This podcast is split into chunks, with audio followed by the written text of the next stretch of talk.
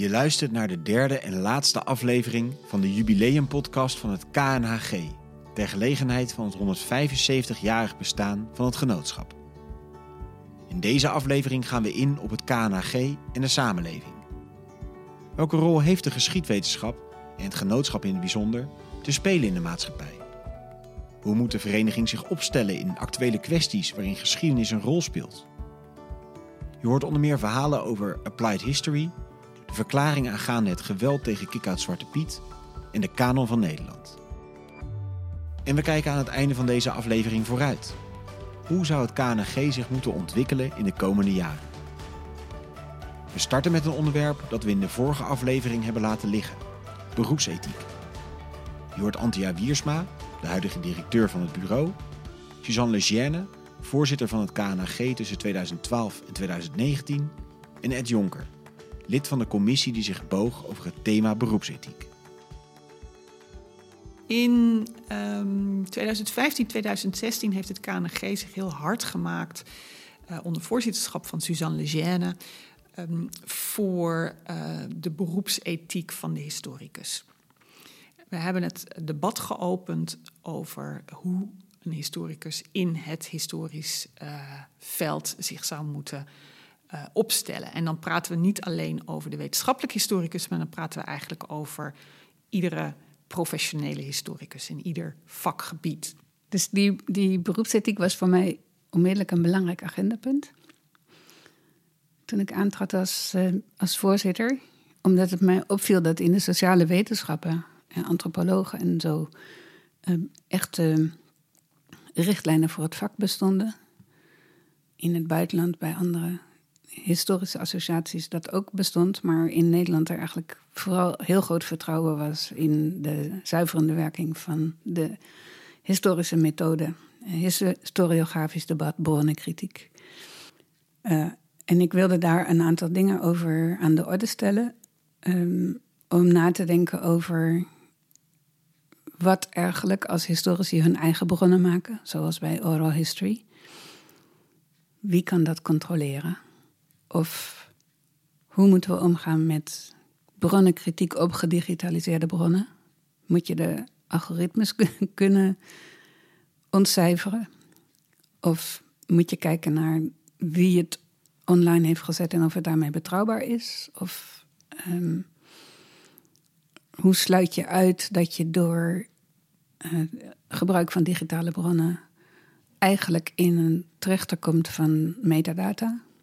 enzovoort. Dus er, deden zich allerlei uh, nieuwe ontwikkelingen voor, waardoor ik sowieso dacht de historiografische methode en de bronnenkritiek in zichzelf is niet meer voldoende als we niet reflecteren op de manier waarop we tegenwoordig met bronnen omgaan.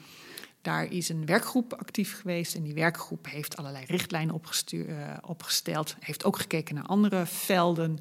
Uh, nog steeds is dat dossier op onze website te vinden en is heel informatief ja, daar kwam bij dat we de discussie gingen voeren over de rol van geschiedenis in de politiek. Omdat er natuurlijk altijd al de geschiedenis op heel veel manieren wordt aangeroepen. Dat is gewoon altijd al het geval. En we de vraag kregen voor onszelf: moeten wij als historici op het moment dat de geschiedenis wordt aangeroepen in bijvoorbeeld de Tweede Kamer, moeten wij dan wat zeggen? of andersom, op het moment dat historici worden uh, ingezet voor het schrijven van een kanon van de Nederlandse geschiedenis, ik, ik, was zelf een van hun, moet je dan zo'n opdracht aannemen, ook al begrijp je heel goed de politieke consequenties ervan. Of moet je zeggen: nee, nee, nee, nee, dit is een politiek dingetje, wij historici doen daar niet aan mee. En het idee was dat daar een soort ethische code ontwikkeld zou worden. Waar Anton de Baats natuurlijk ook wel uh, voor was. En die heeft een enorm uh, archief uh, opgetuigd, digitaal ook, met allerlei vergelijkingen van hoe dat in Amerika en in Duitsland en in Zwitserland en iedereen heeft zo zijn codes. Als je een stap verder gaat en zegt, ja, je moet ook ethische kwesties durven benoemen en daar een standpunt in innemen, dan zie je dat er meteen een soort gut reaction is uit het veld van dat gaan wij niet doen. Wie zijn jullie wel als KNG bestuur of als commissie die daar dan voor in het leven geroepen wordt. Wantrouwen eh, bij de beroepsgroep, dat denk ik heel gezond is. Wat je ook terugvindt in de commissies die zich daarmee bezig hebben gehouden, althans die groep waar ik in zat, daar zie je dat de mensen zelf die erin zaten ook meteen dachten, ja, wij moeten niet in die hoek terechtkomen dat ze denken dat wij hun de les gaan voorschrijven, want dat kunnen wij niet. Aan de andere kant, uh, ja, misschien is het toch wel zo dat er iets is als misschien niet waarheidsvinding, maar toch wel iets van epistemische deugden. Die te maken hebben met een soort van ethische houding over waar je het wel en niet over kunt hebben. Op welke manier dat kan gebeuren. Uh, uh, dat er misschien sprake is van nepgeschiedenis of uh, onvolledige geschiedenis of zelfs kwaadaardige geschiedenis. Waar je zo nu en dan iets over zou moeten zeggen. En uiteindelijk heeft het ertoe geleid dat die ethische code er niet is gekomen. En het resultaat is denk ik toch geweest dat er een aantal kleine conferenties geweest zijn over uh, ethische problemen in onderzoek en in onderwijs en in uh, optreden van historici in de publieke ruimte. Een ethische code is er dus niet gekomen. Maar, zoals Ed Jonker al vertelt, het gesprek erover ging wel verder. Jort Beatrice de Graaf en Lex Heerma van Vos. Ik weet niet of het precies te maken heeft met de historici dagen in 2017, toen het slotdebat ook best wel spannend werd. Uh, ik weet niet of het iets is wat al langer uh, in, de samenleving speelt, of dat ik daar zelf gevoeliger voor ben geworden. Maar mijn indruk is dat de laatste jaren uh, toch ook wel meer politieke debatten, of debatten over politiek in de KNG zijn gevoerd. Op de congressen, in de wandelgangen, in de blogs. misschien ook wel dat de KNG online meer actiever is, dat je ook sneller in een blog iets schrijft.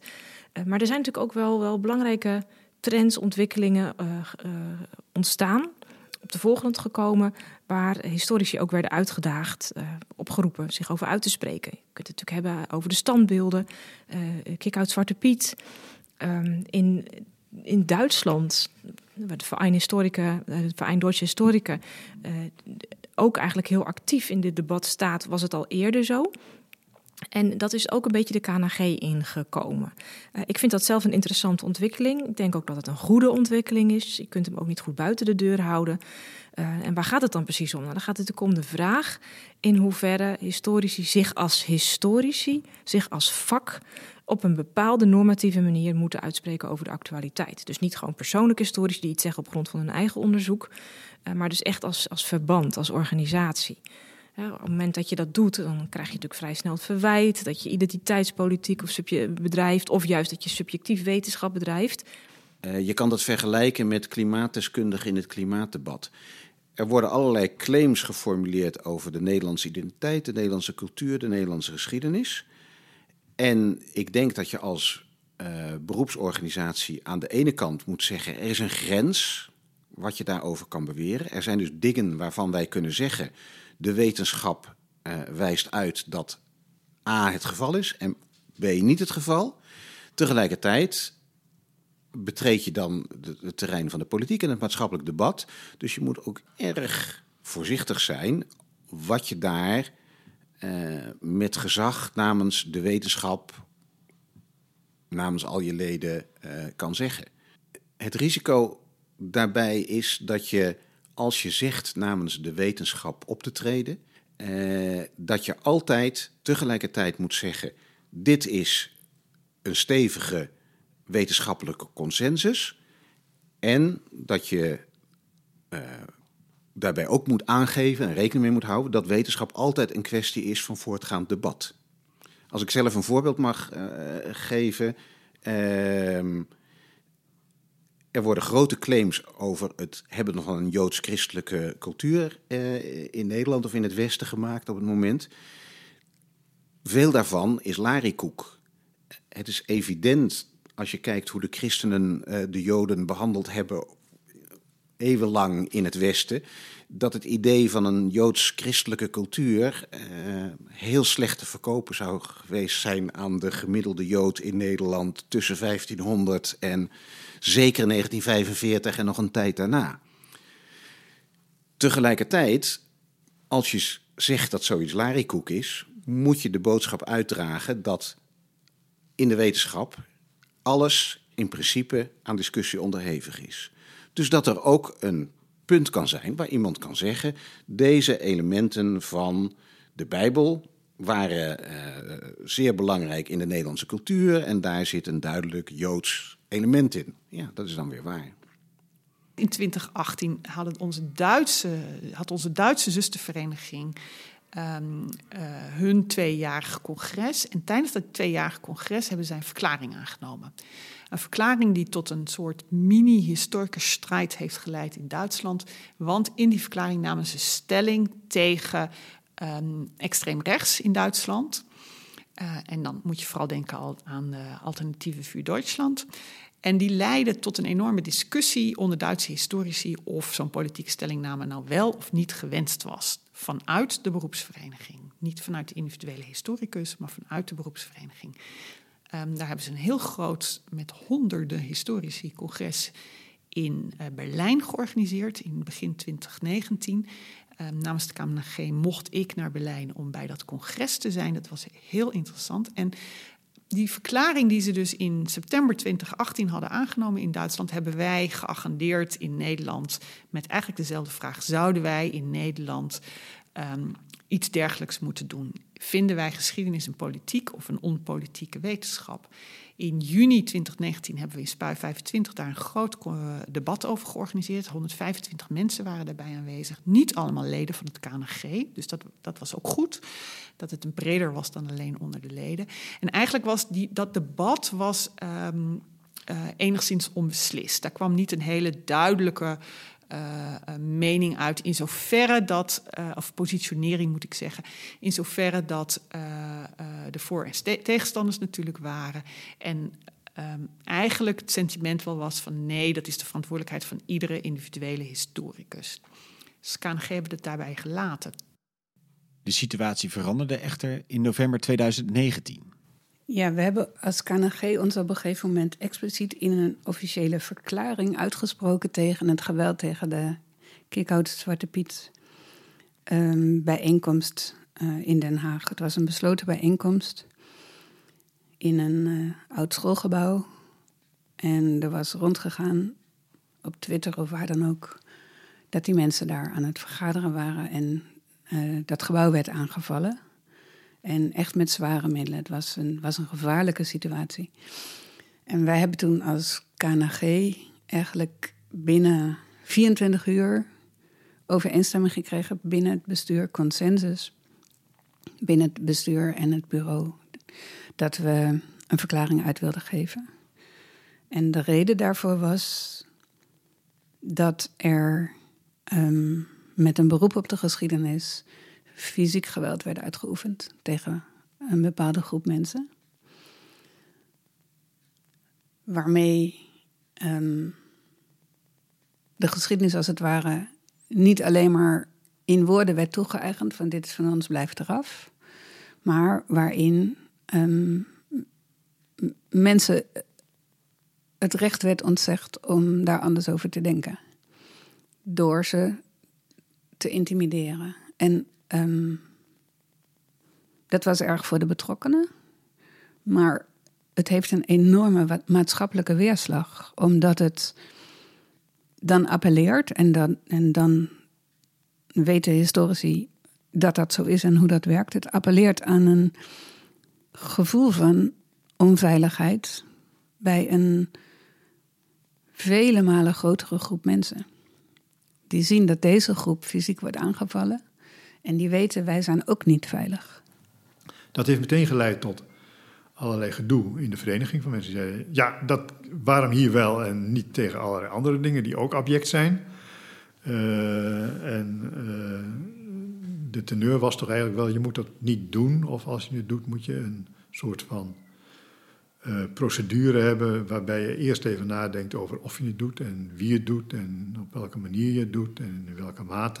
Wat ik interessant en goed vond van de Duitsers is dat die op de historiekentaak uh, in het plenum met de verenigde leden die daar waren, dus echt een open debat hebben gevoerd over de vraag hoe ver moeten wij nou als beroepsvereniging gaan? Hoe politiek moeten we zijn? Er waren een aantal die wilden dat niet, het merendeel wilde het wel.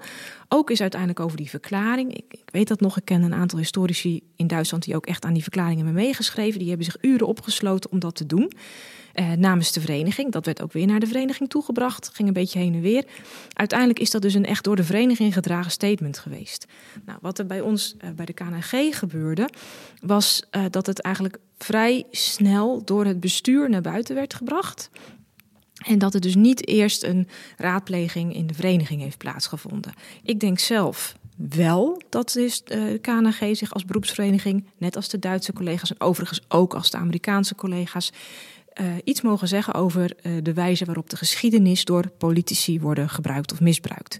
Ik vind alleen wel dat je dat zelf ook op open en democratische wijze moet doen. Uh, dus dat betekent dat je niet achter elk akkefietje aan moet rennen, maar dat je dus ook echt in de vereniging daaraan standpuntbepaling zou moeten doen. En dat je ook niet als bestuur, maar misschien met een groepje of een commissie die wordt ingesteld door het plenum, dat je ook over dit soort zaken nadenkt en een verklaring opstelt. Ik denk dat het dan inclusieve participerende gaat en dat leden ook de tijd krijgen hier tegen te protesteren als ze dit willen. Want eh, iedereen heeft het recht erop, ook historici, om dit niet te willen. Om wel als historicus te proberen afzijdig te blijven. Dat mag natuurlijk ook. Alleen je mag ook ervoor pleiten dat het wel noodzakelijk is als beroepsvereniging. En dat is dan iets wat je in de vereniging zou moeten afwegen. Als resultaat daarvan hebben wij die verklaring geagendeerd op de algemene ledenvergadering. En daar konden mensen zich uitspreken voor of tegen. En zijn we met elkaar in debat gegaan van ja, en hoe nu verder? Moet het KNHG zich vaker op deze wijze in uh, het debat mengen of juist niet? Heeft het KNHG een andere taak, een andere rol? Op de ledenvergadering die we gehad hebben waar, en waarin we verantwoording aflegden aan de leden, daar kwam dus aan de ene kant de vraag naar voren waarom nu en waarom niet uh, op een ander moment dan ook. Dus niemand zei van het had niet moeten gebeuren. Maar waar ligt dan de grens? Wanneer doe je het wel, wanneer doe je het niet? En is er niet ook inflatie als je het te vaak gaat doen? Enzovoort, enzovoort. Maar er was een leraar geschiedenis op die bijeenkomst. En die zei, ik was zo trots. Want ik kon tegen mijn klas zeggen... Kijk, de historici zeggen ook, dit kan niet. En datzelfde had ook in een, uh, in een column gestaan in de NRC van uh, Garchard. En zij had ook gezegd op het moment dat de wetenschappers gaan spreken omdat de politiek zijn mond houdt, uh, dan is er echt wel wat aan de hand. Dus mensen waren ook trots dat we het gedaan hadden en trots op hun vak. En op dat moment uh, kon je ook merken dat KNG voor het vak durfde te spreken. Van wij historici zeggen dat je op deze manier geen beroep mag doen op de traditie als gevolg van de algemene ledenvergadering hebben we nu een werkgroep in het leven geroepen waar eh, tegenstanders en voorstanders van dergelijke verklaringen zitting in hebben genomen. En die werkgroep gaat zich na deze zomer, de zomer van 2020, buigen over de vraag of, en zo ja, hoe, um, en wanneer en op welke manier het KNG dit soort verklaringen zou moeten uitgeven. We spreken hier nu steeds over vrij recente voorbeelden. Maar is dit nou een grote verandering ten opzichte van het verleden? Je hoort Gees van der Plaat, directeur van het KNAG van 1970 tot 2007. Ja, mijns inziens is die verandering niet wezenlijk. Sinds de tweede voorzitter, Bernard Sliegen van Bad, heeft het genootschap daadwerkelijk blijk gegeven van maatschappelijke betrokkenheid. Er zijn heel wat eh, brieven en krantenartikelen geschreven naar aanleiding van actuele discussies. Kijk, het KNG is er in het verleden misschien minder openlijk voor uitgekomen. Maar het gebeurde wel. Het verschil wat ik zie, dat is, is gradueel, maar dus niet wezenlijk. Het past denk ik ook wel heel goed in de veranderende rol die het KNG voor zichzelf ziet. Waar het KNG traditiegetrouw vanaf het begin af aan uh, voor de beroepsgroep academische historici was en zich vooral richten op toegankelijkheid van bronnen, op uh, uh, wetenschappelijke publicaties, uh, bronnen, uh, edities die ze uitgaven, jarenlang van alles en nog wat uitgegeven, zien we nu dat het KNG veel breder is. En dat past denk ik ook heel goed in deze tijdgeest. Um, een rol in het maatschappelijk debat uh, heeft. En of die rol, dat zal dus moeten blijken als de werkgroep verklaringen uh, zich heeft uitgesproken. Of die rol nu is dat het KNG zichzelf heel duidelijk uitspreekt in het debat uh, en een positie inneemt. Of zoals wij zeer recent hebben gedaan, de minister adviseren om toch echt een historicus in een commissie die naar het slavernijverleden gaat kijken en de doorwerking daarvan in deze samenleving, om daar toch echt een vakhistoricus aan toe te voegen. Dat is een meer instrumentele manier waarop je je in het maatschappelijk debat kunt uh, begeven, maar niet een minder belangrijk of een onbelangrijker positie. Als we dan verder kijken dan het je uitspreken in hedendaagse kwesties, welke rol heeft het KNAG in de samenleving te spelen? Hoe zou de wisselwerking tussen die twee eruit moeten zien? Je hoort onder andere Henk de Velde, voorzitter van het KNAG. Ja, kijk, de, de rol van het, van het KNAG in de uh, samenleving, die moet toch ergens liggen tussen twee uitersten. De ene is die uh, van een puur wetenschappelijk ehm, orgaan dat, ehm, dat net doet alsof, alsof je wetenschap in een, in een ivoren toren kunt beoefenen. En het andere uiterste is dat het vak eigenlijk alleen maar dient om, om de maatschappelijke vragen van nu te beantwoorden.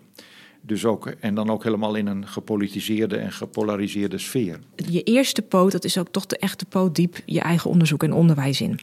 dus een, een goede wetenschapper is een T-shaped wetenschapper. Dus die gaat echt diep zijn eigen vakgebied in, in onderwijs en onderzoek. En daarna doet hij aan outreach. Maar het kan niet alleen maar outreach zijn. Het moet wel op die, die diepe poot rusten. En dat geldt eigenlijk ook een beetje voor de KNG. Dus ze moet echt haar eigen uh, bloedgroepen goed bedienen.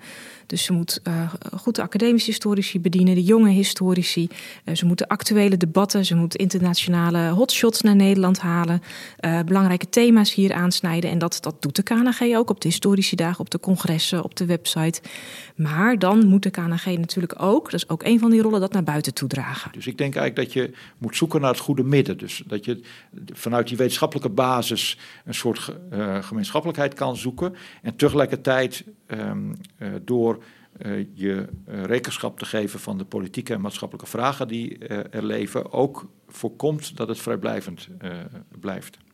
Eigenlijk ook geïnspireerd door de crisis nu en door vragen vanuit studenten, mensen, hebben een drietal historici en ik zelfs met, met z'n vieren in totaal, hebben wij een manifest geschreven waarin we oproepen om als KNG, als historici in Nederland, meer aan applied history te doen. En um, de trigger hiervoor was eigenlijk dat Jan en Alleman ineens de geschiedenis begon te citeren aan het begin van de COVID-crisis in uh, maart uh, 2020. Uh, de pest uh, was in één keer weer een bestseller.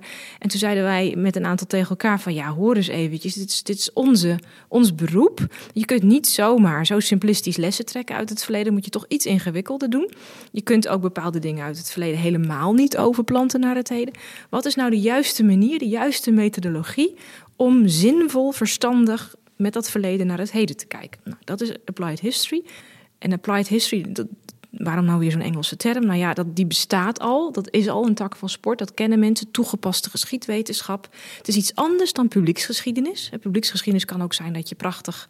Het boek van de Bourgondiërs bijvoorbeeld, eh, dat is, dat is ook publieksgeschiedenis. Maar applied history is dat je echt uh, vanuit het verleden uh, dingen onderzoekt, trends, patronen vaststelt, uh, uh, lessen meeneemt om problemen in het heden te beantwoorden.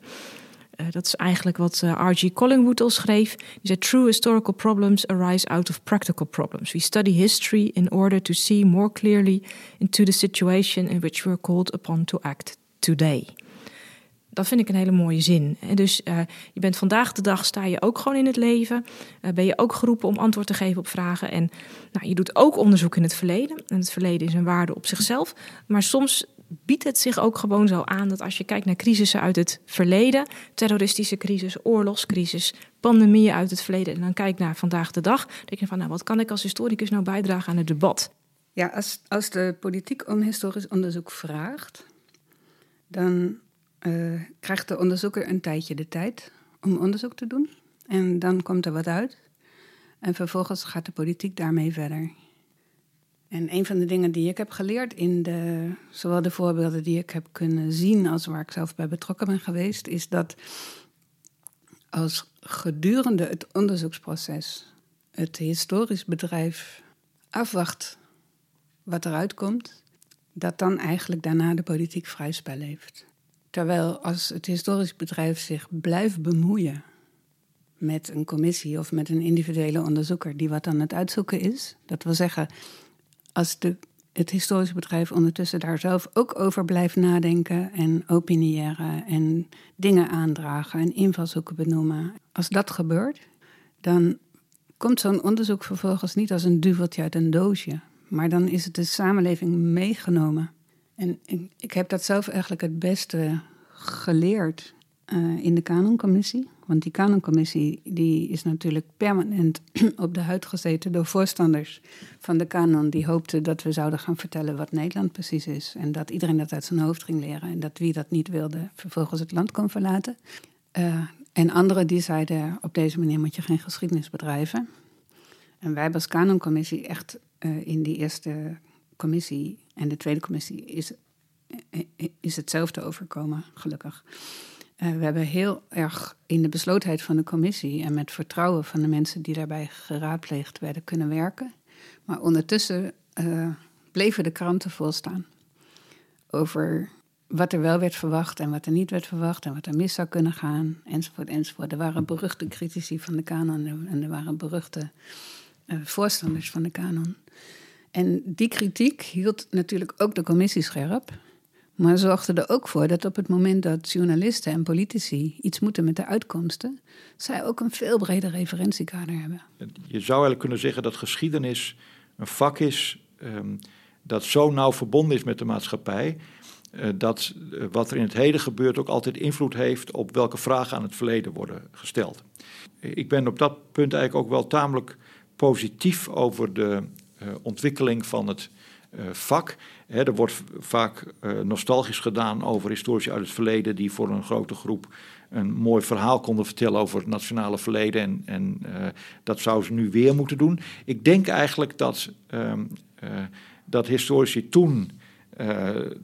mijn eerste voorgang op de leerstoel die ik bekleed, Robert Fruin, die was heel nadrukkelijk bezig met met burgerschap als een belangrijke categorie. Hè. Zijn vak moest bijdragen tot het opleiden van goede burgers in de samenleving. Ik denk dat we dat nog steeds vinden. Alleen dat we uh, een veel pluralistischer opvatting van democratie hebben uh, en van vertegenwoordiging. Um, uh, dus er zijn allerlei verschillende geluiden en die moet je ook als historici laten horen. Maar ik denk dat we dat als historici eigenlijk best goed doen in een soort discussie met de maatschappij. En zeker als je bedenkt dat er aan alle kanten aan ons getrokken wordt om steeds verder te verwetenschappelijken. Hè. Dus er, je hebt dat uh, instituut NWO, dat, dat subsidies-instituut voor, voor wetenschappelijk onderzoek. Um, en die wil het allemaal steeds alleen maar internationaler en steeds maar meer theorie en, en ehm, theoretischer. Um, ja, dat, dat, dat wijst eigenlijk een beetje een andere richting uit dan het bezig zijn met de maatschappij om je heen. En toch doen, blijven historici dat gewoon doen.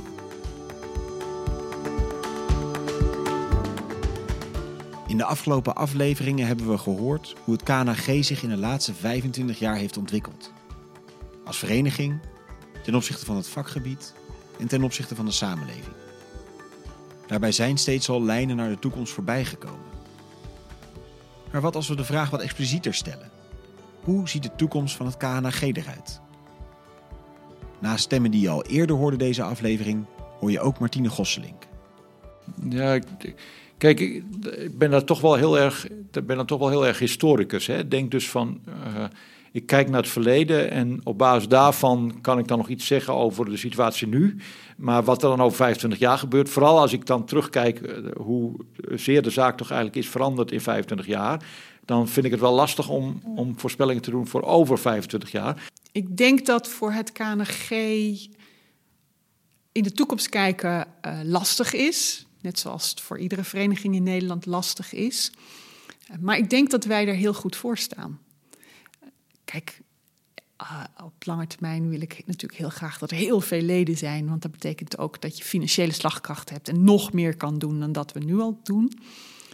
Maar dat is niet het allerbelangrijkste. Leden zijn belangrijk, uh, maar het allerbelangrijkste is dat we relevant zijn en blijven. Er is denk ik een uitdaging die uh, heel erg voor de hand ligt. Uh, eh, 25 jaar geleden um, kon de ambitie van het KNG, uh, nog zijn om alle academisch geschoolde historici in een organisatie te binden. En dat kon omdat je een aantal tijdschriften nodig had om het vak te kunnen overzien. En daarin was de BMGN leidend in uh, Nederland. Dat is langzaam afgebrokkeld door de internationalisering, door vooral de mogelijkheid om van allerlei zaken op internet kennis te nemen, door een vergroting van het aantal specialismen. Dus de claim uh, dat je iedereen kunt bedienen, wordt steeds moeilijker te verwezenlijken. Dus wat mij betreft is de grote uitdaging uh, van, de, van de toekomst. Hoe kan je mee vormgeven aan een gemeenschap van alle professionele historici in Nederland? En welke middelen moet je daarvoor inzetten? En ik weet daar het antwoord niet op. Maar mijn gok is dat dat niet alleen maar congressen en een tijdschrift zal zijn. Uh, ik zou het heel erg fijn vinden als KNG uh, een rol zou kunnen spelen in het verder doorbreken van de institutionele disciplinaire scheidslijnen die er binnen de geschiedenis uh, in Nederland naar mijn smaak een beetje te veel zijn. De onderzoeksscholen die georganiseerd zijn in oude geschiedenis, middeleeuwse geschiedenis, economische sociale geschiedenis, politieke geschiedenis, cultuurgeschiedenis, gendergeschiedenis, religiegeschiedenis. Dat is een opdeling waarvan ik denk, we doen onszelf tekort. KNG kan dat overbruggen met zijn eigen congressen. Maar als het onderzoeksscholenveld, en dat is, is de plek waar de promovendi worden opgeleid, zo verkaveld is, dan blijf je toch eigenlijk permanent disciplines bij elkaar brengen in plaats van dat je de discipline verbreedt. Het zou mijn lief ding zijn als de historici nog veel meer worden ingezet op hun uh, kennis en expertise om uh, het verleden te duiden. Uh, er is inderdaad ontzettend veel onwetendheid en er zijn ontzettend veel mythologische aannames over waar Nederland vandaan komt, over migratiegolven, over um, ja, allerlei aspecten die zo, die zo gevoelig liggen. En, um, en, en het is heel goed dat die gevoelig zijn, dat, dat, wil ik niet meer spreken. Um, maar de, de, ja, de, feiten mogen veel vaker van de fictie onderscheiden worden, wat mij betreft.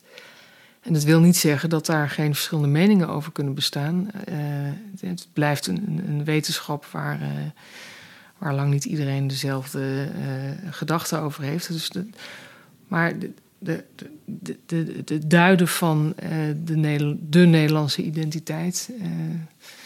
Waar we vandaan komen. Ik denk dat we daar nog lang, heel lang mee bezig zijn de komende 15 jaar. Um, dus dat, dat zijn geen modegrillen uh, met congressen die we dan afvinken en tik de box en dan weer verder. Dat zijn diepgaande processen waar we, ja, waar we elkaar heel erg nodig zullen hebben de, de komende jaren. Dus ik, ik, ik, ben, ik zou blij zijn als het KNG daar een grote prominente rol in blijft spelen. Doet het nu al. In de verhouding tussen KNHG en de Vereniging van Geschiedenisleraren Nederland is eigenlijk ook wel een soort van taakverdeling die ertoe leidt dat ik denk dat historici te weinig nadenken over de ontwikkelingen in het middelbaar onderwijs in den breedte. Dus de VGN doet dat wel en is daarin ook heel actief. Um, ehm, KNG volgt dat vanaf een waardige afstand. En komt ze nu dan met een mening of een positie of ondersteunt iets of spreekt zich uit tegen het een of het ander. Maar is in mijn optiek een te weinig actieve kracht in, het, uh, in de manier waarop we leraren opleiden en waarop we geschiedenisboeken schrijven. En soms wordt daar ook wel nostalgisch naar gekeken. Vroeger schreef de beste hoogleraar het beste geschiedenisboek. En tegenwoordig wordt het uitbesteed en weet ik veel wat. Dan wordt er een beetje op neergekeken. Um, maar ik denk dat, dat, de, dat de beroepsgroep daar hand in eigen boezem moet steken.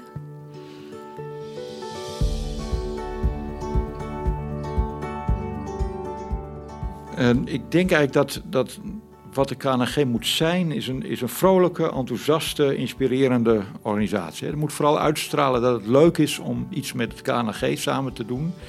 Ehm, eh, misschien eerder nog zelfs leuk dan dat het, dan dat het per se prestigieus hoeft te zijn. Ik, ik denk dat dat iets minder belangrijk is geworden. Ehm, het KNG is nog steeds wel een heel prettig forum. Ehm, uh, veel ervaring met het organiseren van van alles en nog wat. Nou, daar kun je gebruik van maken. Dus die, die rol heeft het.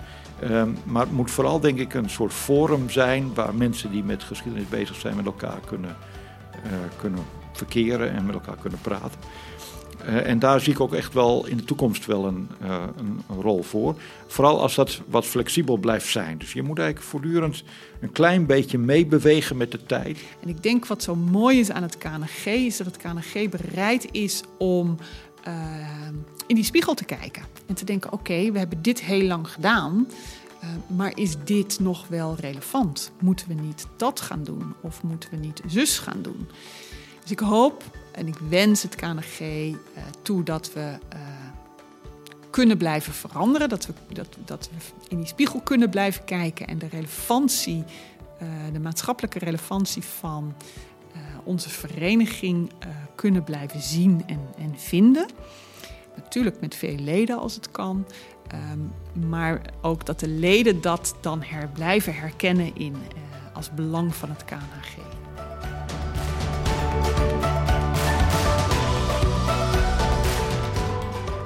Dank voor het luisteren naar deze podcast over de afgelopen 25 jaar van het Koninklijk Nederlands Historisch Genootschap. Ter gelegenheid van zijn 175-jarig bestaan. Een vereniging met zeer oude wortels en met tegelijkertijd de motivatie om te blijven ontwikkelen. Deze podcast kwam tot stand in opdracht van het KNG. De interviews, montage en de mixage werden gedaan door mij, Allard Amelink van 3A3D. Dank aan alle sprekers die hebben bijgedragen aan deze podcast en de podcast hebben gemaakt tot wat het is. Meer informatie over het KNHG en het jubileumjaar kun je vinden op www.knhg.nl. En nogmaals, hartelijk dank voor het luisteren.